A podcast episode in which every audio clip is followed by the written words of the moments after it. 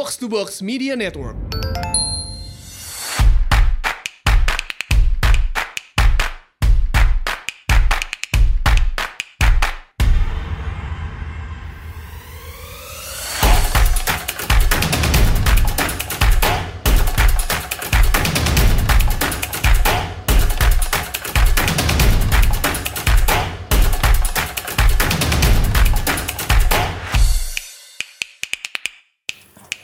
Selamat datang di Asumsi Bersuara dan kali ini kita kedatangan em, Mbak Elisa ya, at Elisa underscore JKT.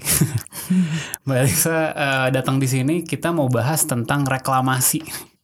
Jadi em, ini satu isu yang sejujurnya gue sangat masih kurang paham gitu. Jadi justru mengundang Mbak Elisa ini karena gue yakin juga banyak di antara orang-orang tuh ya cuman sebatas ngelihat apa sih yang lagi ribut-ribut. Sekarang kan diribut lagi ribut banget nih tentang reklamasi. Apalagi kemarin ada rencana ada satu pergub yang eh, menerbitkan IMB untuk ratusan bangunan di pulau reklamasi. Pantai reklamasi ya sekarang bahasanya mbak.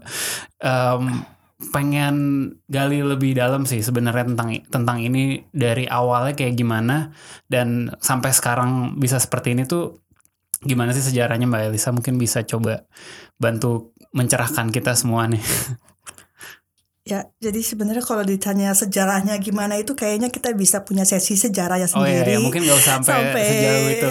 sampai dua jam atau berjam-jam gitu. Tapi ya intinya rata-rata semua orang udah tahu bahwa itu dimulai dari ada Perpres uh, 52 tahun 95 dari Soekarno uh, Soeharto. Mhm. Di saat yang bersamaan sebenarnya ada satu perpres lagi uh, Perpres uh, 73 tahun 95. Jadi sebenarnya terjadi dua uh, rencana proyek reklamasi yaitu satu di Jakarta yang 52 itu, satu lagi di Tangerang yang nomor 73 itu. Nah, sebenarnya da- di situ uh, nuansanya revitalisasi atau uh, lebih ke perbaikan uh, kawasan Pantura. Uh, cuma makin kemari ternyata uh, mungkin karena zaman Orde Baru eh, itu prosesnya tidak transparan, Hmm. eh, eh, haknya itu langsung diberikan kepada kroni-kroninya Soeharto gitu langsung diberikan eh, kepada eh, berbagai entah itu keluarganya maupun eh, taipan yang dekat dengan dengan eh, dengan Soeharto.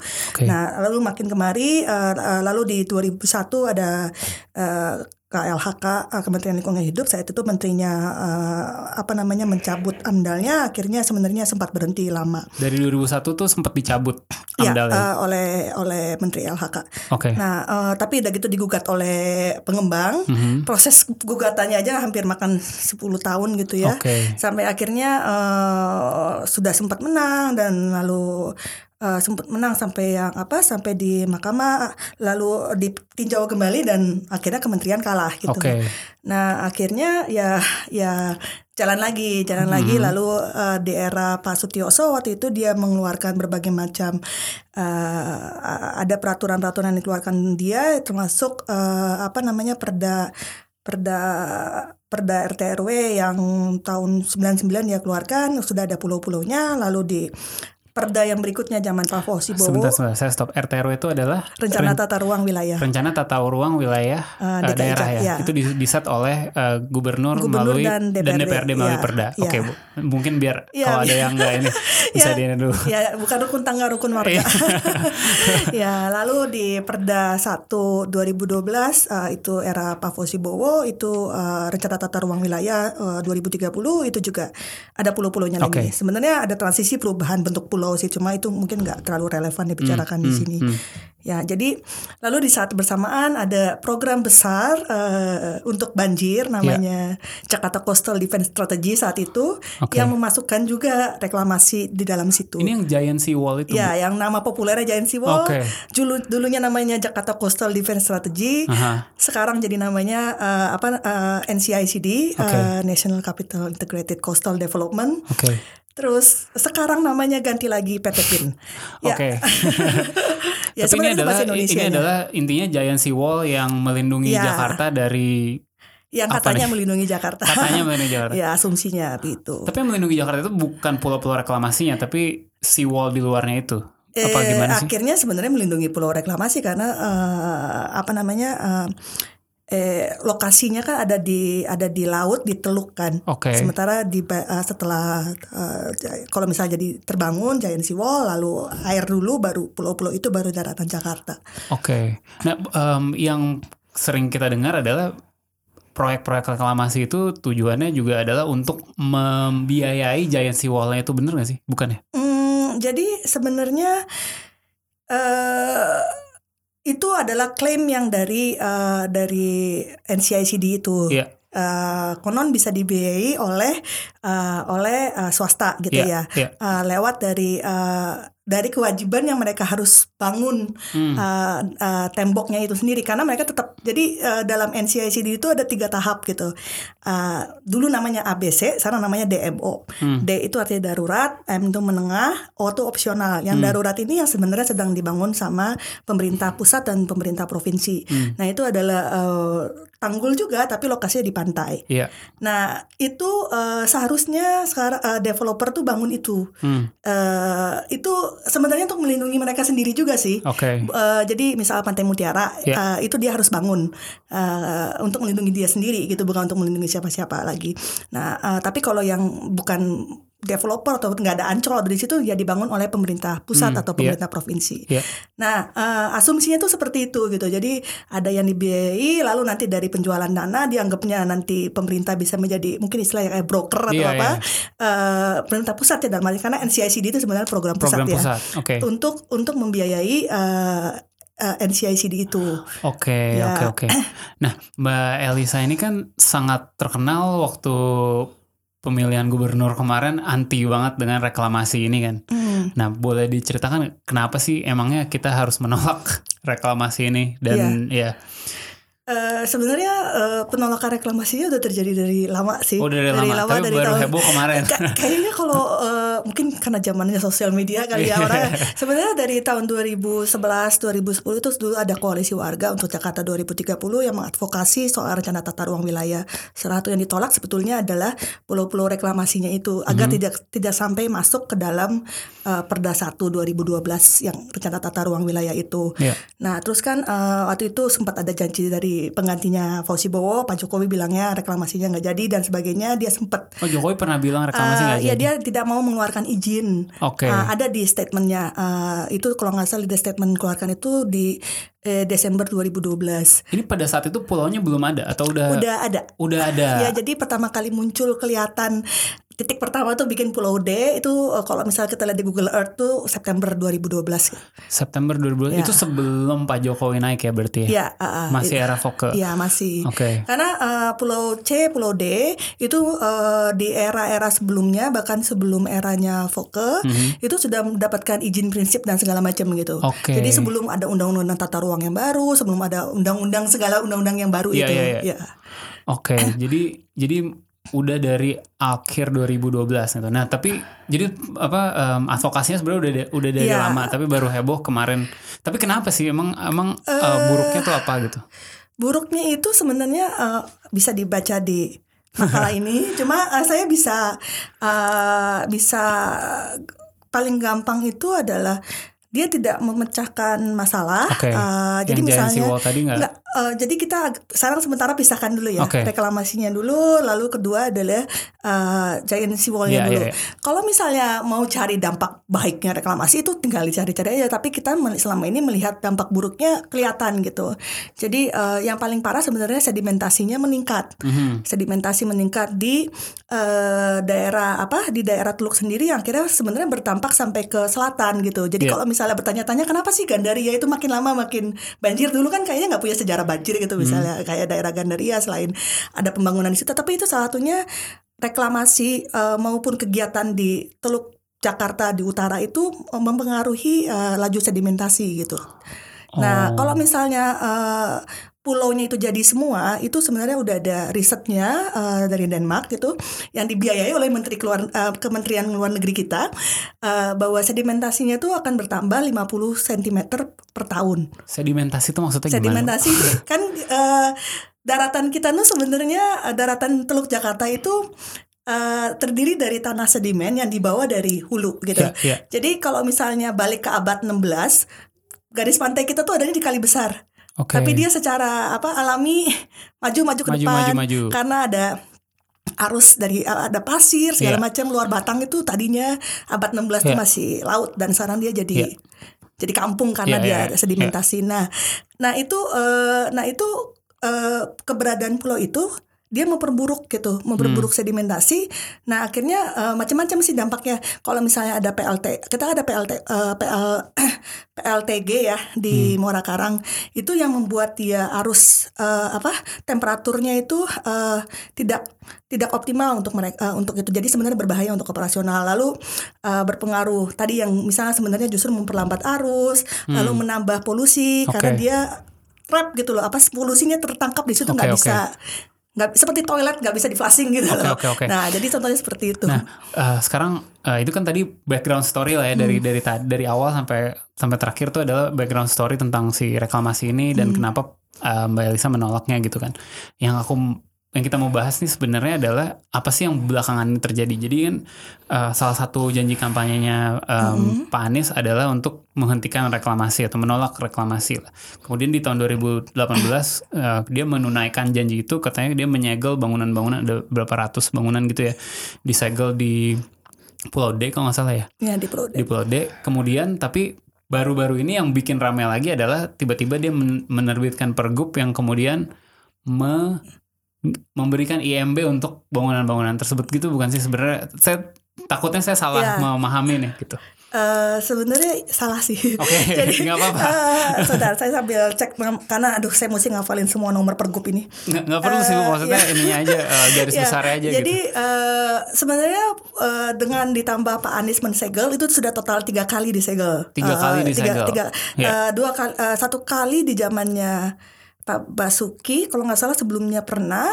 eh, lalu eh, zaman Pak Anies ini. Hmm. Eh, nah, Pak Basuki juga pernah menyegel Ya, Pak kenapa Basuki tuh itu segelnya tahun 2016, ingat saya itu setelah heboh, eh, setelah apa ada ada kasus di KPK operasi tangkap tangan. oh yang Pak Sanusi Ya, walaupun itu soal Pulau G ya, cuma Ya. akhirnya eh, apa ketahuan ada ada bangunan apa segala macam. Saya, saya sendiri udah tahu kalau udah ada bangunan dari Ah. tahun 2015 udah dijual segala macam tangan Ya. kesekian. Nah, itu sempat disegel tahun 2016 eh, lalu tapi seperti eh, lalu tiba-tiba dia dibuka lagi segelnya, tapi setelah itu KLHK sempat melakukan moratorium. Hmm, Eh, jadi penghentian. oke Ya, eh, nah akhirnya eh, lalu kurang lebih kalau saya melihatnya penyegalan Pak Anies sebenarnya perpanjangan moratoriumnya si KLHK gitu karena kalau Oke. enggak akan akan berlanjut untuk kasus bangunannya. Iya Nah, eh, tapi sebenarnya yang terkait pergub, pergubnya itu sebenarnya dikeluarkan tahun 2016 eh, itu sekitar bulan Oktober gitu Ya. oleh Pak Basuki itu Pak namanya Basuki bikin pergub itu Ya, Pergub Panduan Rancang Kota Pulau uh, Pulau C, D dan E gitu. Iya. Nah, Panduan Rancang Kota itu sayangnya uh, walaupun ini bicara uh, dua ranah undang-undang berbeda, dia menurut Undang-Undang Bangunan Gedung bisa dipakai untuk dasar membangun membuat Buat uh, IMB. membuat IMB gitu. oke Nah, eh, nah yang dilakukan pengembang pada saat itu mungkin dia udah bayar den- eh, yang saya baca dari press release-nya dia sudah membayar denda pengembang. Lalu eh, ada sepertinya mereka menggugat Pemprov, lalu ada Oke. pemerintah pengadilan yang akhirnya mau nggak mau itu harus, harus dibuka. diterbitkan IMB itu Eh, sebenarnya debatable sih. Oke. Eh, kalau saya sih merasa tidak perlu diterbitkan, Oke. tapi itu silakan aja. Eh, itu kan ter- tergantung dari kemauannya Biro Hukum mau sampai kalau dia Jadi misalnya kalau banding menurut lagi. Mbak Elisa sendiri seharusnya tidak diterbitkan itu Ya, ya seharusnya tidak diterbitkan itu eh, kaitannya lebih ke eh, apa ya? ke undang-undang yang kita ikuti gitu. Hmm. Nah, tadi kan saya bilang ada Undang-Undang Bangunan Gedung tahun 2002 yang memang memungkinkan panduan rancang kota itu untuk mengeluarkan IMB. Hmm. Tetapi di tahun 2007 ada Undang-Undang Tata Ruang yang sebenarnya tidak mengakui panduan rancang kota. Waduh, gila, kepala gue udah pusing banget. Ya, Oke. Jadi kalau bicara reklamasi itu sebenarnya ada tiga undang-undang berbeda Oke, gitu. saling tumpang tindih. Eh, bukan saling tumpang tindih tapi mem- membicarakan tiga proses yang berbeda. Oh, dan semuanya harus di Eh, comply ya dan yang kita lagi ngomongin IMB ini udah udah paling terakhir gitu. Oke. Ya udah paling ya udah ya udah selesai di eh, proses reklamasi, sekarang lagi pemanfaatan ruang lalu nanti eh, bangunannya gitu. Oke oke, Ya. Bu, yang saya mau tanya nih, em, ini orang pasti udah banyak bertanya-tanya ini salah satu topik yang orang-orang terutama pendukung Pak Basuki ini banyak mempertanyakan lagi adalah tentang 15% uh, kontribusi tambahan. Jadi kan dulu itu um, ribut-ributnya adalah Pak Basuki itu nggak mau mener kalau saya nggak salah lagi nih boleh dikoreksi dia nggak mau uh, menerbit dia mau ada perda yang bilang bahwa kontribusi tambahan pengembang adalah 15% untuk pemprov supaya dia bisa nanti bangun rusun lah bangun jalan semua dari duit itu aja nggak usah membebani APBD kan yang saya tangkap gitu. Maka uh, perdanya belum jadi udah sempat ada kasus Pak Sanusi tadi segala macem. Hmm. terus sekarang Pak Anies nih menerbitkan IMB tanpa ada aturan 15% itu. Lalu orang bertanya-tanya ke mana nih 15% yang yang udah bikin orang masuk penjara tadi itu gitu. Kok kok sekarang bisa-bisanya IMB diterbitkan tanpa ada tambahan itu. Jadi apakah DKI ya nggak bukan dirugikan sih tapi harusnya bisa dapat lebih gitu. Jadi uh, gini, hmm, saya sih sebenarnya orang yang prinsipnya karena reklamasi itu nggak perlu ada, jadi uh, eh, 15% itu seharusnya tidak usah diomongkan karena pulau-pulau itu nggak ada, akhirnya nggak usah ada 15%, 15%. Tapi saya bicarakan dulu soal logikanya, yeah, yeah. baik Pak Basuki maupun Pak Anies ya. Yeah. Jadi uh, uh, perda apa raperda kawasan strategis Pantura Jakarta itu adalah mandat dari uh, perda RT RW 2030 hmm. itu. Hmm. Jadi ada pasal di situ yang menyatakan bahwa untuk perencanaan reklamasi harus uh, ada perda itu dulu. Intinya yeah. kurang lebih begitu. Hmm. Yang isinya adalah mulai dari soal soal perencanaan, uh, tata ruang, koordinat, sanitasi segala semuanya ada di situ. Yeah. Nah, itu mesti ada dulu baru boleh reklamasi. Yeah. Tapi kan pada prakteknya zaman September 2012 dimulai itu iya, reklamasi yeah, yeah, yeah. kan. Nah, uh, nah di situ sebenarnya tidak uh, uh, kalau mandatnya RT RW sih tidak ada bicara soal kontribusi harus bayar apa segala macam okay. ya. Itu mungkin dia masuknya mekanisme insentif dan disentif. Nah, uh, itu satu. Nah, sebenarnya uh, yang akhirnya Uh, berbeda antara Pak uh, Basuki dan Pak Anies itu adalah dua cara pikir yang di mana uh, kalau misalnya Pak Gubernur Basuki maunya uh, uh, pengelolaan kayak sepertinya bisa diserahkan kepada swasta tapi TKI mendapatkan uang dari hmm. situ. Nah sementara Pak Anies merasa itu pulau itu adalah milik publik. Milik publik itu artinya pemerintah. Hmm. Makanya dia tunduk tunjuk uh, BUMD, Jakpro untuk mengelola. Nah, itu udah dua hal yang beda gitu. Jadi okay. satu ya udah kamu kasih duitnya nanti kamu kelola tapi saya dapat duitnya dan segala macam. Yang ini gue yang kelola entah itu gimana dan gue sebenarnya berhenti kan. Jadi itu dua hal yang beda. Lalu di saat yang bersamaan ada revisi RT RW. Oke. Okay. Sekarang terjadi sedang terjadi dilakukan revisi RT RW yang bisa jadi membuat keharusan membuat raperda kawasan strategis Pantura itu jadi nggak ada gitu loh. Bentar, bentar, bentar. Oke, ini, yeah. ini iya. menarik nih. Karena kan, kan kalau loophole gitu. Oke, oke. Ini kayak berputar-putar. Bentar, satu satu hal yang yang uh, menarik adalah kalau saya anggap ya dulu tuh Pak Basuki untuk bisa bikin IMB dia harus lolos dulu perdanya. Yeah. Tapi sekarang karena ada perubahan tadi itu, nggak juga bukan, sih. Maka uh, nggak perlu perda. Ya, yang satunya lagi karena ada loophole undang-undang bangunan gedung tadi yang menyatakan okay. panduan rancang kota itu bisa untuk uh, untuk membuat IMB gitu loh. Okay. Itu ada ada pasalnya di situ. Oke. Okay. Dan, dan dan itu sebenarnya dibuat oleh Pak Basuki sendiri gitu. Okay. Tapi bukankah sepengetahuan saya IMB itu harus mengikuti zonasi di daerah itu. Jadi nah, misalnya kayak misalnya di misalnya ditentukan dalam satu yeah. pantai pulau atau pantai itu yeah. dalam satu pantai reklamasi lah kalau bahasa Pak Anies itu misalnya berapa meter persegi bagian mana yang boleh buat um, gedung, bagian mana yang harus yeah. hijau, bagaimana itu kan harusnya itu diatur. Nah itu bukan bukan di perda itu adanya. Harusnya gini makanya dua-dua nah. undang-undang yang beda tadi ya yeah, selainnya yeah. soal RTRW hmm. direvisi ada dua rejim undang-undang beda. Okay. Yang satu 2002 undang-undang bangunan gedung 2002, yang satu lagi undang-undang tata ruang 2007 yang sebenarnya lebih baru yang kita harusnya nurutin yang lebih baru ya. Kalau misalnya kita ha. anak baik gitu ya. Yeah.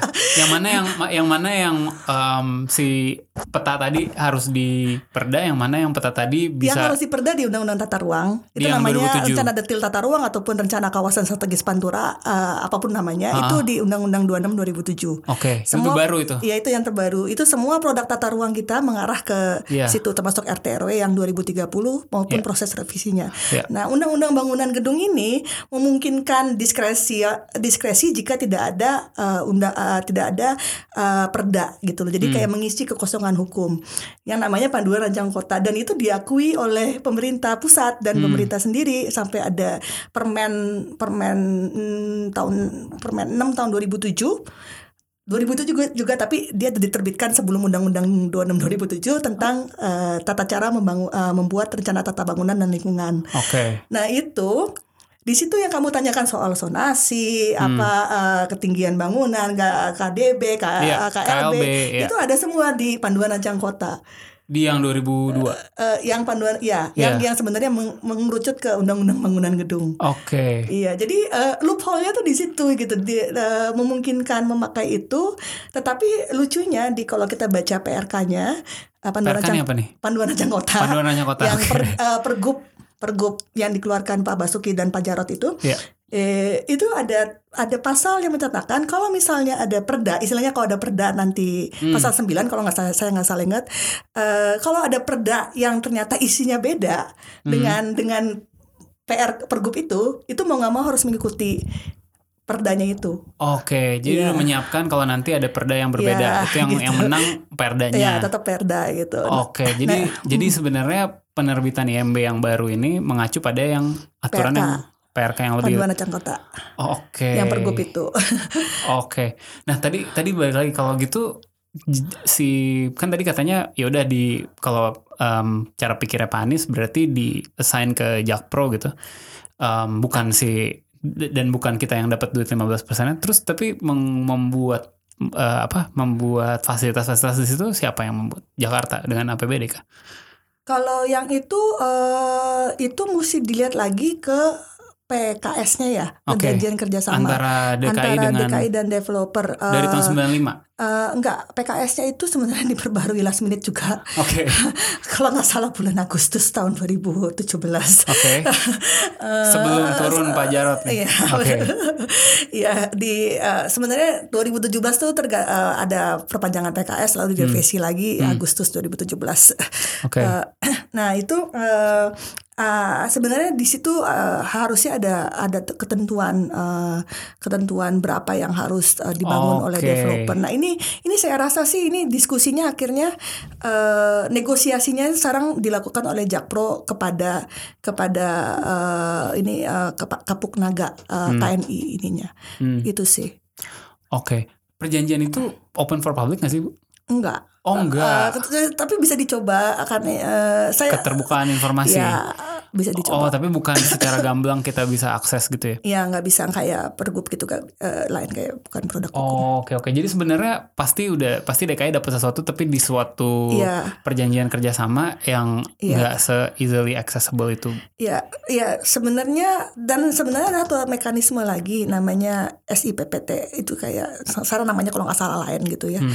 Jadi kalau mau membuat apa eh, kom, kom apa eh, development sesuatu harus mengajukan SIPPT. Nah itu SIPPT ada kewajiban pengembang gitu. Jadi Oke. eh, itu bisa juga diterapkan di situ. Oke.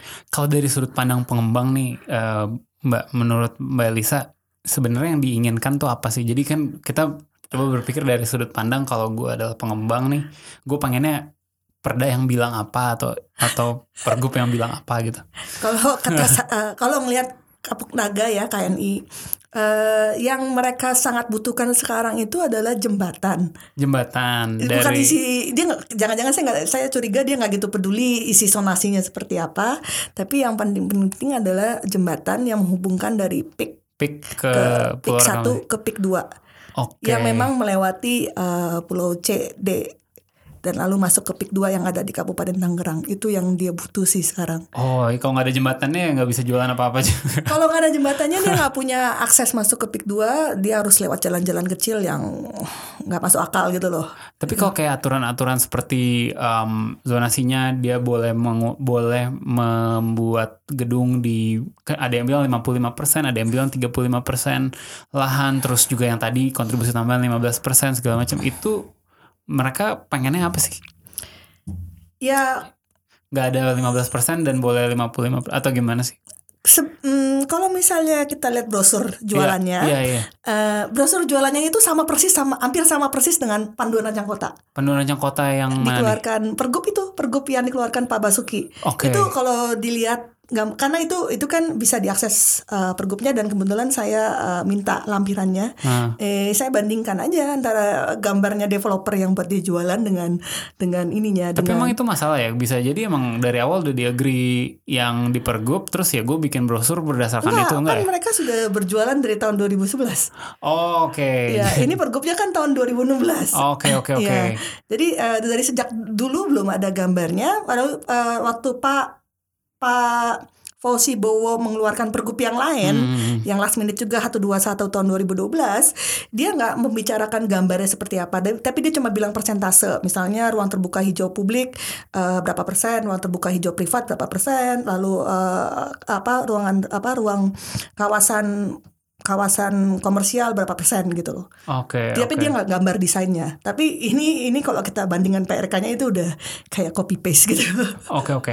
Nah sekarang pertanyaan yang penting adalah, oke pulau-pulau ini udah jadi, udah ada sebagian udah ada bangunannya. em, harusnya gimana ke depannya gitu? Kayak ini udah udah udah kejadian nih barangnya gitu kan katanya ngelesnya kan gini eh, Pak Anies kan dia nggak akan melanjut nggak akan me- dia akan menyetop reklamasi artinya ya nggak ada bangun nggak ada bikin pulau baru gitu kan. Iya. Tapi yang lama ya ya udah harus harus dilakukan sesuatu kan apa apa sih seharusnya yang kita arahnya tuh menurut Mbak Elisa kita harus apakan nih yang udah ada Kalau eh, arahnya eh, harus kan dia berkali-kali bilang untuk kepentingan publik. Jadi yang seharusnya ya ini kan pergub diskresi nih. Iya. Bisa dibuat sa- sama gu- gubernur siapa pun dia harusnya mengubah PRK itu. Jadi dari zaman sebelumnya saya malah bilangnya dibatalin aja tuh pergub. dibatalin ya tapi kan sekarang Tapi kalau eh, dibatalin implikasinya apa tapi implikasinya ya terjadi eh, kayak kekosongan sampai ter- eh, harus ada RT RW baru dan RDTR baru gitu loh. Nah itu melalui perda ya eh, melalui perda gitu. Ah. Jadi memang harus menunggu gitu. Eh, ya itu sebenarnya eh, sesuai dengan urutannya undang-undang tata ruang aja sih eh, kalau misalnya harus itu. Tapi kalau misalnya mau mengutip undang-undang bangunan gedung dia harus merevisi berat panduan rancang kota itu untuk sesuai dengan eh, entah itu janji politik atau apa tapi sebenarnya ada hal-hal lain di luar janji politik ya dia yaitu kondisi lingkungan lalu misalnya kalau misalnya itu benar mau dijadikan kepentingan publik itu harusnya desainnya seperti apa itu kan yang tidak pernah dibicarakan gitu. Hmm. Jadi harusnya kita nggak jangan jangan nurutin eh, PRK-nya yang dibuat pengembang atau apa pun siapa PRK yang lama dong. Kalau misalnya karena gubernurnya juga udah ganti gitu kan. Hmm, hmm. jadi harusnya dia punya ini sendiri Ya, eh, harusnya, visi eh, sendiri yang barang yang udah ya, jadi dan itu ada di situ. dan itu menurut menurut Mbak Elisa belum ada di Pak Anies Eh, Pak Anies nggak melakukannya. Jadi kalaupun dia misalnya itu kan sebenarnya IMB dikeluarkan hanya untuk yang sudah keburu terbangun. udah kan? keburu terbangun Nah itu sebenarnya kalau misalnya dia pun mau mengakomodasi itu ya udahlah misalnya oke lah dikorbankan eh, 900-an bangunan yang ternyata luasannya nggak sampai 10% dari total pulau gitu. Ya sisanya kan ada 90% lain yang kita harus bicarakan. Hmm. Yang masa kita mau menuruti kalau misalnya bilang itu kepentingan publik masa mau menuruti PRK yang tidak mewakili kepentingan publik gitu. kalau Mbak Elisa kalau Mbak Elisa jadi Pak Anies deh Mbak Elisa, Mbak Elisa akan bikin pulau itu jadi kayak apa. Kalau saya sih akan mengubah desainnya semaksimal mungkin karena eh, ada ancaman yang sebenarnya publik nggak terlalu tahu banyak itu ada ancaman likuifaksi karena eh, apa sih eh, itu kan sedimentasi yang yang belum selesai gitu itu bisa bisa eh, subsidence terus gitu jadi sebenarnya untuk permukiman tuh membahayakan sebenarnya saya sih Hmm. khawatir gitu. Jadi itu eh, saya nggak yakin bisa jadi permukiman gitu. eh it- yang lainnya ya kayak eh, kalau misalnya itu untuk kepentingan publik eh, itu harus didebatkan. Saya nggak nggak saya nggak mau Hmm. bilang itu untuk apa karena itu perdebatan publik harusnya didebatkan harusnya dulu di baru DPRD Eh, enggak. Eh, bisa town hall meeting. Oh, kalau misalnya kita masih mau level PRK ya belum Hmm. sampai ke oh oke. ya, jadi jadi menurut Mbak Elisa lebih ke turn back time aja PRK-nya PRK-nya bubarkan kita mikir dari awal lagi nih tapi dalam konteks pulaunya udah ada gitu. udah ada tapi bisa didesain ulang. Eh, dan kalau misalnya eh, sem- 900 bangunan itu udah keburu jadi dan segala macam bisa diinklusi eh, dimasukkan dengan berbagai macam perubahan sonasi gitu itu masih bisa dibicarakan tapi kepentingan publiknya di ini kan nggak pernah ada gitu Hmm, oke oke oke. Kalau kepentingan publiknya ap- apa mbak yang ter, te- yang ini banget terkait reklamasi ini nelayan kah? Bu- ini juga satu perdebatan panjang nih waktu waktu waktu pilgub kemarin kan reklamasi ini merugikan nelayan gitu. Dan kemarin juga pas Pak Anies menerbitkan IMB itu kalau nggak salah juga ada banyak resistensi dari dari para nelayan gitu. Emang sengaruh apa sih reklamasi terhadap kehidupan para nelayan? Bukankah kalau kalau um, be, kalau melaut itu jauh ke jauh jauh ke tengah laut gitu ya, Bu? Sebenarnya Hmm, kalau kalau untuk konteks uh, Pulau G gitu ya, uh, itu sebenarnya dua nelayan yang beda, satu di Kamal, satunya di Morangke. oke. Eh, yang kemarin demo tuh yang di Morangke sebenarnya, Oke. Eh, Pulau G itu ya. Dia tuh karena ada pulau, dia harus muter lebih jauh, yang akibatnya membebankan secara eh, Bahan secara bakar. bahan bakar dan Ah. sebagainya. Nah yang kedua karena itu dia ada terjadi proses sedimentasinya makin parah, Iya. dia tuh melautnya mesti makin jauh lagi karena ikan-ikannya nggak ada yang mau datang. Oke. Iya, jadi eh, dan polusinya kan ngumpul Iya, iya, gitu. iya, nah iya. itu sih sebenarnya. Nah eh, pada saat Pulau G itu berhenti, itu ke- eh, mereka aktivitas nelayannya jadi jadi semakin lebih baik gitu dan kalau mis eh, kemarin kita baru lihat ada ikan pari lewat gitu di di Iya. dekat Pulau G gitu dan dan itu udah menunjukkan ada perbaikan lingkungan gitu pada saat dia berhenti gitu. Eh, tapi kalau menurut saya sih, eh, saya ngelihatnya nggak cuma nelayan ya, itu eh, ancaman lingkungan kepada daratan Jakartanya itu jauh lebih besar gitu da- daripada eh, nelayan juga penting, tapi secara holistik juga besar gitu. Oke, saya mau nanya deh. Di banyak tempat di dunia kan sebenarnya juga hasil reklamasi ya, kayak Marina Bay Sands gitu. Em, tapi kayak kelihatannya baik-baik aja gitu. apa, yang membedakan reklamasi Jakarta dari yang di luar gitu misalnya? Eh, bentuk teluk, eh, Singapura nggak punya 13 sungai, dia nggak punya rate sedimentasi, itu Oke. udah kayak gitu aja udah beda sih. Oke oke, jadi nggak Iya. semudah itu ya. ya gak, gak semudah itu ya sebenarnya nanti sat- 50 tahun lagi juga daratannya maju sendiri jadi reklamasi itu terjadi secara otomatis gitu harusnya. Iya nanti kalau bisa diarahkan jadi kayak kayak ada ada yang memang mengarahkan sedimentasinya sampai terbentuk daratan gitu kayak dulu orang kampung luar Batang zaman VOC itu mereka di di di pekerjakan untuk mem- membuat daratan reklamasi dari hasil sedimentasi itu. Oke oke. Mbak Elisa nggak join TGUPP Mbak? Kayak Nggak. Mark. Saya bingung selalu orang ada orang, Orang kan nanya gitu kan. ya sekali lagi bukan TGPP dan tidak ada hubungannya sama sekali Oh, sama ya. pemprov DKI. kan siapa tahu kalau ma- kalau masuk kan bisa membuat perubahan gitu PR bisa memberi usul itu biar ada konsep dikit lah itu mau diapain gitu kan sekarang Iya. kritik orang kan TGUPP isinya banyak gajinya gede tapi mana gitu ah ininya Mbak Elisa aja yang masuk Sebenarnya kayak permintaan PRK itu dibatalkan sudah disampaikan berkali-kali termasuk kepada gubernurnya sendiri gitu. Hmm. Eh, eh, disampaikan langsung lalu disampaikan lewat rilis pers segala macam. Jadi koalisi yang selamatkan Teluk Jakarta juga berkali-kali bicarakan gitu. Eh, sebenarnya sudah sebenarnya dia juga harus tahu tapi mungkin dia punya pertimbangan sendiri yang kalau saya baca rilisnya tetap bagi saya sih nggak masuk gitu loh. Karena Iya, iya. saya an- acuan saya ke undang-undang tata ruang gitu. Oke oke oke. Mbak Elisa ada sebelum kita berakhir nih ada ada hal lain lagi yang belum sempet Mbak Elisa ngomongin yang kayaknya orang perlu tahu nih tentang tentang reklamasi Jakarta ini. hmm apa ya Eh sebenarnya Apa udah kita bahas semua? Enggak sih, saya cuma pengen melihat ya, tapi susah ya zaman polarisasi kayak gini mau dinasehati atau di, Iya, iya, dibicarakan iya. apa-apa akan percuma ya. Eh ini reklamasi ini sebenarnya eh, kalau saya sih melihatnya sebagai ancaman ya. Jadi ancaman buat lingkungan hidup dan sebenarnya bisa dibaca di makalah ini nanti mungkin pas Nanti di, ya, dikasih linknya aja kalau ya. ada PDF-nya kita bisa taruh Iya. di sini. Uh, uh, jadi uh, uh, ini sebenarnya makalahnya ditulis oleh banyak profesor juga nggak cuma saya sendiri gitu Hmm. jadi cukup kredibel Uh, jadi bisa nggak sih kita melihat masa depan perbaikan lingkungan tuh nggak lihat tokoh A B C D Hmm. E gitu itu aja sih sebenarnya itu itu uh, itu yang lebih penting sih. Tapi yang dan hal lain yang perlu saya sampaikan reklamasi itu tidak ada hubungannya sama sekali dengan uh, solusi untuk land subsidence atau apa namanya banjir dan segala macam. Justru yang ada uh, dia tuh memperparah kedua itu. Kenapa dia memperparah land subsidence? Uh, salah satu Land penyebab- subsidence yang tanah turun. Ya uh, penurunan Oke. muka tanah. Itu salah satu penyebab land subsidence adalah uh, berat bangunan beban pembangunan Hmm. Uh, dan Jakarta Utara itu sebelum ada reklam, rencana reklamasi dari Soeharto itu uh, di RT RW lamanya ditulis itu harus ada dibatasi pembangunan di Jakarta Utara. Tapi begitu ganti regi apa begitu ada perpres itu langsung berubah gitu. Nah, ini sebenarnya reklamasi itu bisa memperburuk karena menambah beban itu. Oke. Okay. Nah itu uh, ya itu sih uh, pesan saya. Oke oke oke oke.